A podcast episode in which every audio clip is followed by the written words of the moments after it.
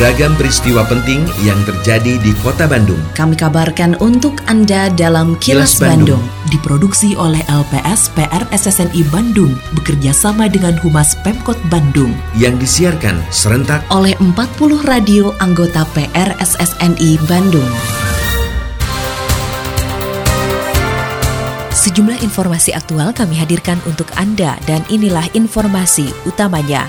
Pembangunan tol dalam kota Bandung masih dibahas. Kota Bandung belum izinkan acara konser musik outdoor. Banyak faktor penyebab kelainan celah bibir dan langit-langit. Saya, Santika Sari Sumantri, inilah kilas Bandung selengkapnya.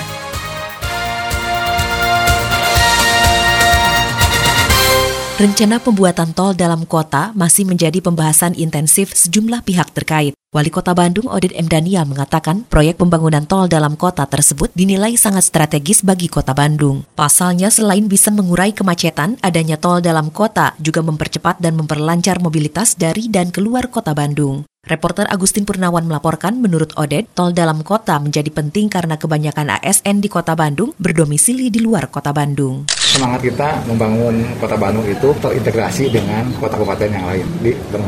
Kalau itu terjadi itu nanti dilaksanakan, terbangun, maka dari soreang itu nyambung langsung tidak tidak tidak sampai ke Soekarno kan, ke sana kan, tapi nyambung langsung ke, ke dalam kota. Kan di dalam kota Bandung itu punten ya, saya yakin ya, mungkin besar ya. PNS kota Bandung itu rumahnya banyak di kabupaten juga. Nah kalau si jalan ini sampai ke dalam jantung kota di sini ya harapannya memulai itu.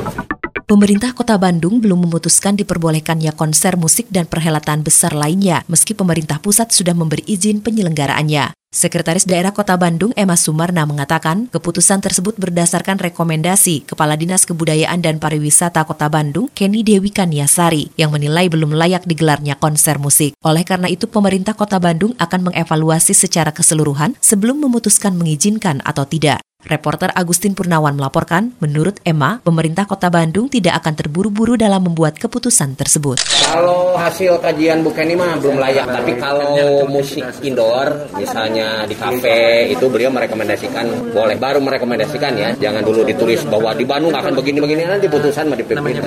Ini kan kita sedang minta dievaluasi urgensi, kemudian dari kebutuhan yang ada sekarang, apakah masih tepat atau tidak.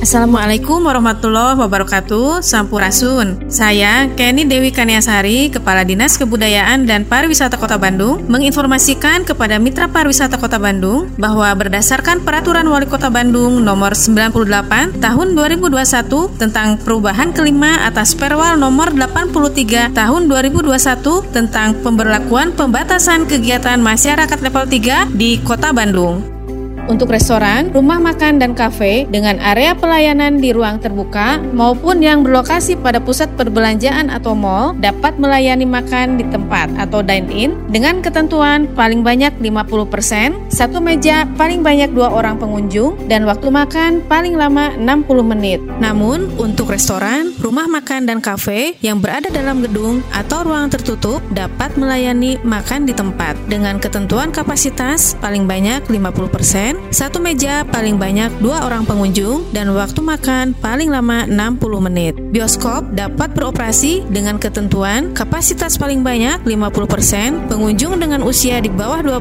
tahun tidak diperbolehkan masuk, dilarang makan dan minum atau menjual makanan dan minuman di dalam area bioskop dan harus menggunakan aplikasi Peduli Lindungi. Ayo bersama-sama melaksanakan protokol kesehatan dengan disiplin.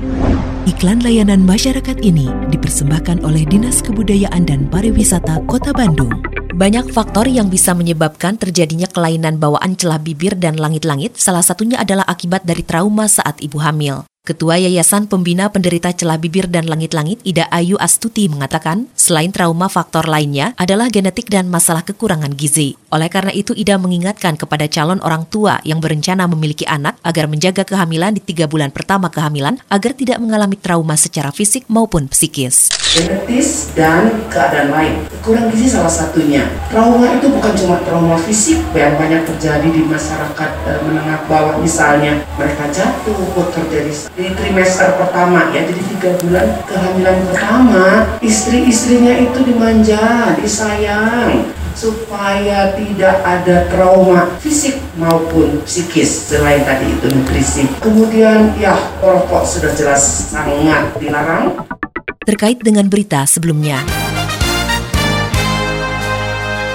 Indonesia merupakan negara peringkat 4 teratas di Asia Tenggara untuk kasus kelainan bawaan dengan presentasi 5,3 persen dari seribu kelahiran. Kelainan celah bibir dan langit-langit merupakan kasus dua teratas. Oleh karena itu, Dekan Fakultas Kedokteran Gigi Universitas Pajajaran, Dudi Arifin mengatakan, para penderita celah bibir dan langit-langit sebaiknya mendapatkan penanganan secepatnya. Pasalnya, jika tidak dilakukan penanganan, maka dapat menjadi gangguan psikologi saat sudah dewasa. Reporter Evi Damayanti melaporkan, menurut Dudi, tidak ada batasan usia bagi penderita celah bibir dan langit-langit untuk mendapatkan tindakan. Karena kalau celah langit-langit memang harus sejak dini ya, sudah harus dilakukan uh, perbaikan terhadap celahnya. Kalau tidak tadi banyak sekali pasti masalahnya. Tapi kalau dewasa celah bibir mungkin kalau yang dulunya agak terlambat untuk ditangani itu saya kira masih mungkin ini tantangan juga buat kita ya, ya profesor atau uh, fakultas ataupun lain barangkali untuk meyakinkan meskipun sudah dewasa itu aman dilakukan untuk operasinya.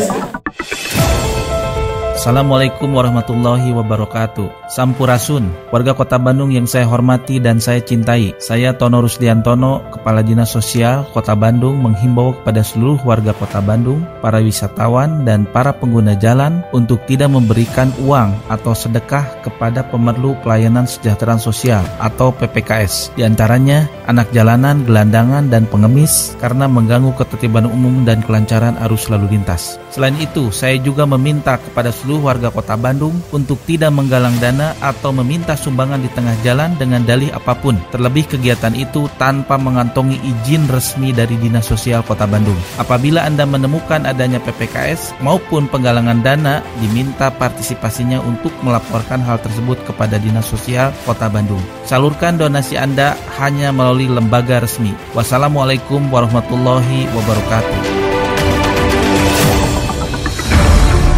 Kini, audio podcast siaran Kilas Bandung dan berbagai informasi menarik lainnya bisa Anda akses di laman kilasbandungnews.com.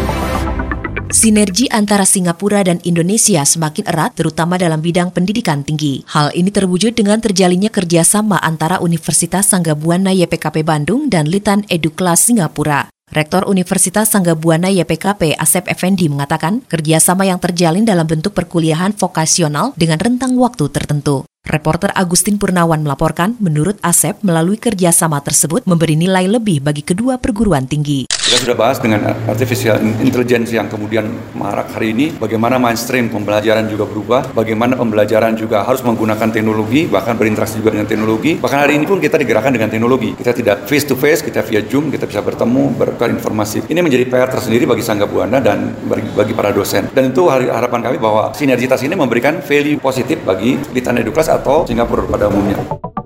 Dalam rangka Hari Jadi Kota Bandung ke-211 di Sebudpar Kota Bandung bersama komunitas menggelar berbagai kegiatan yaitu Bandung Go Safer and Smarter berlangsung sampai 30 September, Bandung Art Mon sampai 21 September, Kado Jang Bandung selama September dan Oktober, serta ziarah makam pendiri kota Bandung pada 23 September dan doa bersama menjelang peringatan di tanggal 24 September. Puncak kegiatan tanggal 25 September akan digelar upacara peringatan HJKB ke-211 dan sidang paripurna. Rangkaian HJKB ditutup oleh pentas seni virtual pada 24 Oktober. Ikuti juga lomba foto dalam event disebut Parhayumoto 2021 Instagram Photo Competition dengan hadiah jutaan rupiah. Selain itu ada pameran virtual juga disebut bar playlist atau panggung musik dari rumah dan masih banyak lagi event menarik lainnya. Info lengkapnya follow Instagram at dispudupar.bdg dan at tic.bandung. Semua kegiatan dan sosialisasi diadakan secara virtual atau hibrid menyesuaikan dengan protokol kesehatan selama masa pandemi COVID-19. Pesan ini disampaikan oleh Dinas Kebudayaan dan Pariwisata Kota Bandung.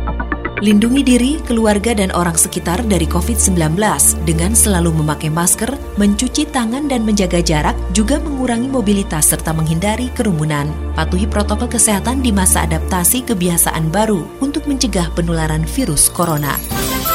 Terima kasih Anda telah menyimak Kilas Bandung. Bekerja sama dengan Humas Pemerintah Kota Bandung yang diproduksi oleh LPSPR SSNI Bandung.